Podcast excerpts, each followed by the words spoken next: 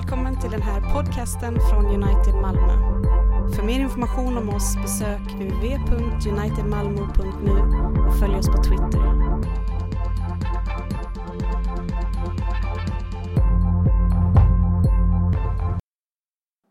Hör Herrens ord. Vi lyssnar till denna söndagens gammaltestamentliga text från Andra Moseboken 1.22 till 2.10. Farao gav denna befallning till hela sitt folk. Kasta alla nyfödda pojkar i Nilen och låt bara flickorna leva. En man av Levis släkt gifte sig med Levis eh, dotter och hon blev havande och födde en son. Hon såg vilken fin pojke det var och höll honom gömd i tre månader. Sedan kunde hon inte gömma honom längre, utan tog en korg av papyrusgräs och tätade den med bäck och kära, lade barnet i den och satte ut den i vassen vid Nilstranden. Pojkens syster ställde sig ett stycke därifrån för att se hur det skulle gå med honom.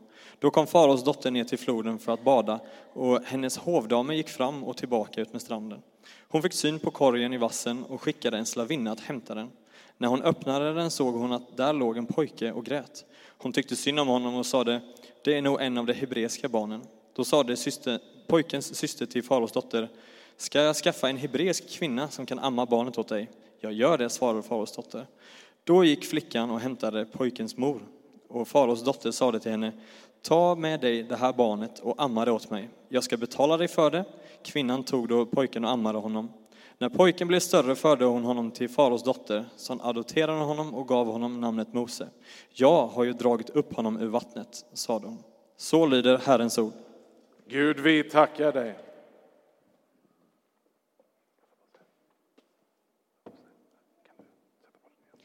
Vi lyssnar till denna söndagens episteltext från första Johannesbrevet 5, verserna 6-12.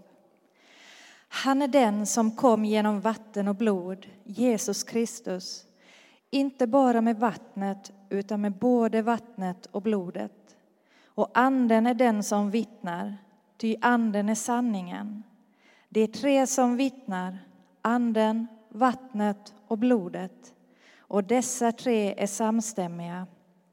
Vi godtar ju människors vittnesbörd, men Guds betyder mer, ty detta är Guds vittnesbörd. Han har vittnat om sin son. Den som tror på Guds son har tagit emot vittnesbördet i sitt inre. Den som inte tror på Gud gör honom till lögnare eftersom han inte tror på det vittnesbörd Gud har gett om sin son. Och detta är vittnesbördet Gud har gett oss evigt liv och det livet finns i hans son. Den som har hans son har livet. Den som inte har Guds son har inte livet. Så lyder Herrens ord. Gud, vi tackar dig.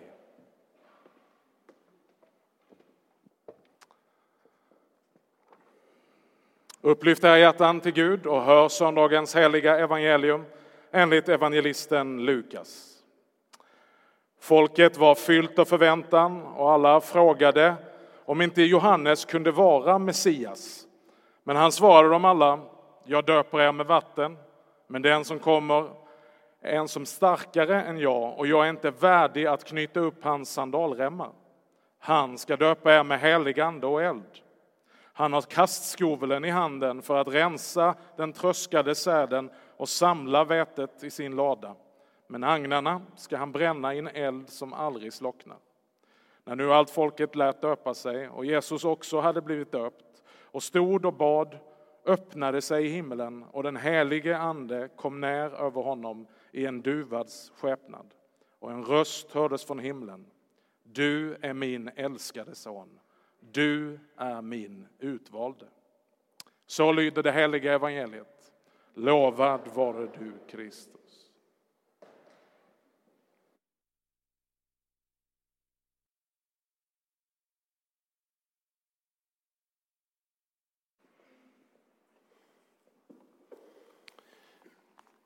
Det är fint för mig att få vara här och dela gudstjänstgemenskap i Sankta Maria kyrka med United EFS. Det är härligt. Det är mycket folk som har samlats här i kyrkan. Det var någon som i inledningsbönen bad eh, och för alla som samlas till gudstjänst. För det är många som gör det. För det händer någonting när vi samlas för att fira gudstjänst tillsammans. Och jag har tänkt på det väldigt länge nu. Hur otroligt det är att vi kan sitta här tillsammans i en kyrka och vara så oerhört ärliga mot varandra att vi högt och tydligt säger jag klarar inte av livet själv. Jag behöver hjälp. Och vi vänder oss tillsammans till Gud och ber om förlåtelse. Det är inte många som klarar av detta. Att vara så ärlig med sitt liv. Jag tycker det är fantastiskt. Det är inte alltid vi tänker på det, men det är ju faktiskt så. Den som är precis vid sidan av mig hör mig säga jag klarar inte av att leva själv. Jag är till och med dålig människa. Och så får vi ta emot förlåtelse, nåd och bekräftelse. Och i det vi bad som syndabekännelse i början på gudstjänsten så är det en för mig väldigt viktig sak som kommer in där. Det är inte bara jag som ber om förlåtelse för det jag har brustit och mina synder utan jag ber att jag vet att jag har del i världens bortvändhet. Och då är det någonting, inte bara jag, utan det är vi tillsammans som har ett ansvar för vad det är att vara människor tillsammans. Det är inte minst viktigt detta. Vi talar om för de andra att vi inte klarar av livet själva. Det är stort. Sen händer någonting när vi samlas till gudstjänst. Det är att vi på något sätt för ungefär en timmes tid själva träder tillbaka lite grann och låter Gud vara Gud. Det är också stort. Jag vet att vi gör det själva också hemma och tillsammans med kanske familjen och så. Och någon bönegrupp eller bibelstudiegrupp eller så. Men träder tillbaka själv. Men nu gör vi det tillsammans. Låter Gud vara Gud.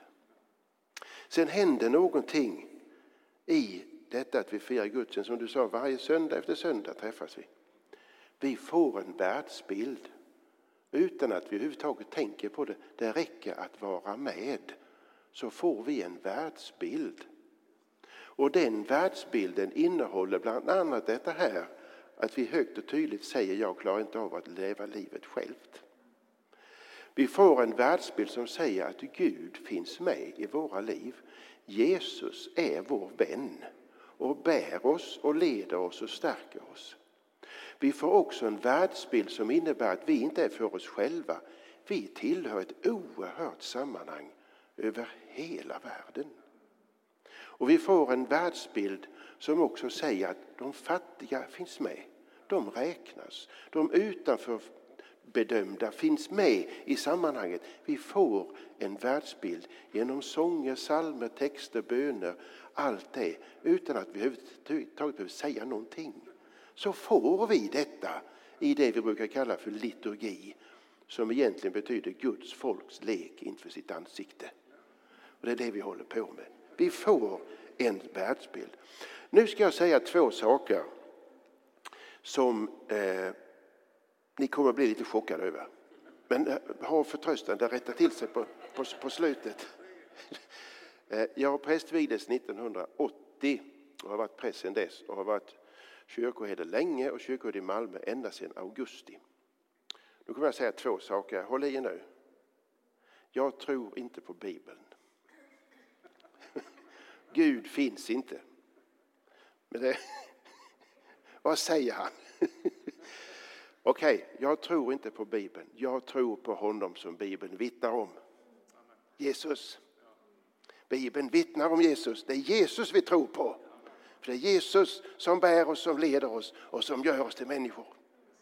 Och Gud finns inte. För det som finns, det kan vi väga och mäta och kontrollera. Gud är är vägen, sanningen och livet. Det som är Guds ordet i Bibeln som man inte fick säga som vi säger Javé eller ibland Jehova.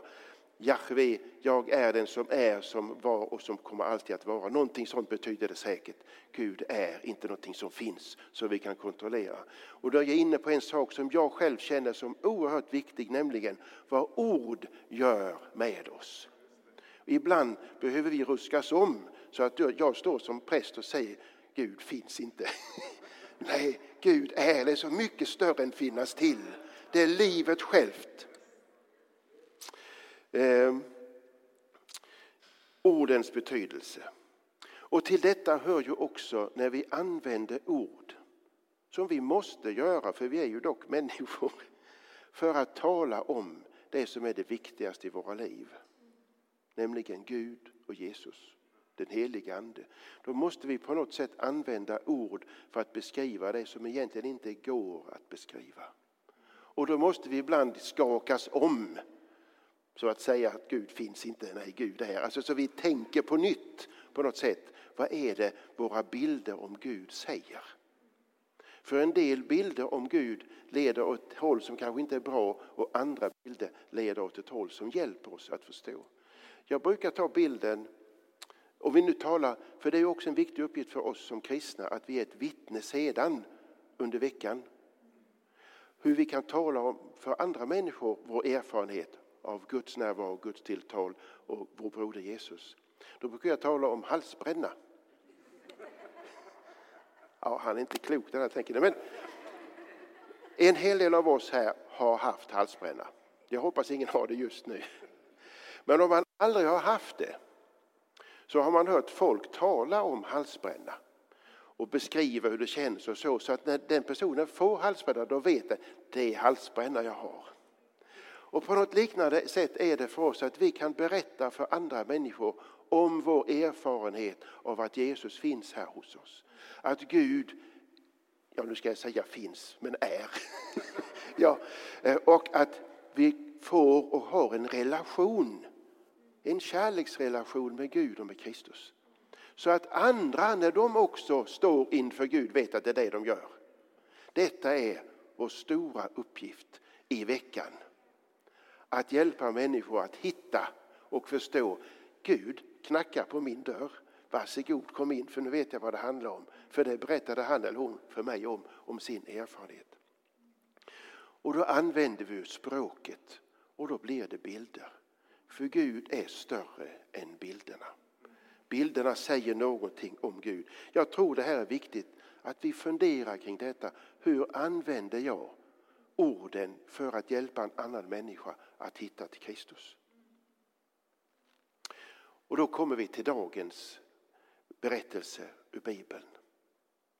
När Jesus kommer till ja, väl sin kusin, får man väl säga, Johannes för att döpas. Ett bättringens dop, dop till bättring. Vad skulle Jesus där och göra? Ehm, och ja, vi var på en gudstjänst tidigare då, det ska vi inte berätta om nu. Vad, han sa så, predikanten där, vad det betyder ska jag inte säga nu. det tänker inte jag heller göra. Men vad som sker i detta att Jesus döps av Johannes i Jordan. Det är ju några saker, att han går in under detta att vara människa.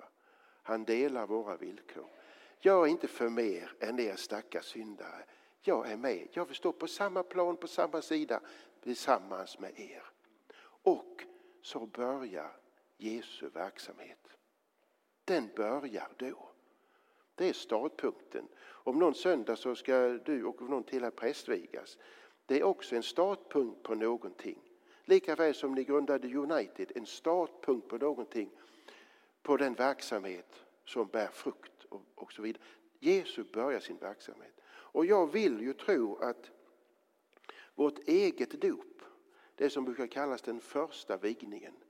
Sen kan man vigas ett par gånger till, till exempel man vigs till, till sin eh, man eller kvinna. Man vigs till ett prästämbete till exempel, eller man vigs till den sista vilan, eller man vigs till någonting annat, biskop eller diakon eller någonting sådant. Vi kan tala om annat också. Men den första och den viktigaste vigningen är dopets vigning. När vi sätts in i vår verksamhet. Och i det dopritual som jag alltid har följt så sägs det eh, bland annat så här att Jesus kallar dig att vara hans lärjunge. Det är det som händer när vi döps eller när vi döptes. Du har fått en uppgift och då gäller det att vara begåvad. Och det är också sådär ord som är spännande. Va? För ni är alla oerhört begåvade. Därför att begåvad betyder att man har fått en gåva av Gud. Egentligen betyder det det. När vi döpes så får vi åtminstone en gåva, en andlig gåva av Gud. De kan vara flera. Och jag tänker mig att våra liv går sen ut på att upptäcka vilken eller vilka gåvor är det Gud har gett mig, begåvat mig med, som jag ska använda, inte för att glänsa, titta vad jag kan, utan för församlingens tillväxt. För församlingens växt och liv, där ger Gud sina gåvor. Och de kommer framför allt i dopet. Det talas om dop i vatten och dop i eld och dop med helig ande. Allt det här ger oss det vi behöver för att kunna vara de medhjälpare, medarbetare, lärjungar som Jesus behöver. För det är vi som är Jesu och därmed Guds ögon, öron, händer, fötter, axlar. Allt detta. För det är de Gud har. Det är oss själva. Och detta är ju så stort så det är helt otroligt. Att vi som kan sitta här och säga till varandra, jag klarar inte av livet själv. Det är oss som Gud utväljer att vara sina redskap, sina medarbetare. Allt det som Gud behöver göra, det gör han genom oss. Dopet är den stora gåvan som sätter in oss i detta otroliga sammanhang. Och därför tackar vi dig, Herre, i Jesu namn. Amen.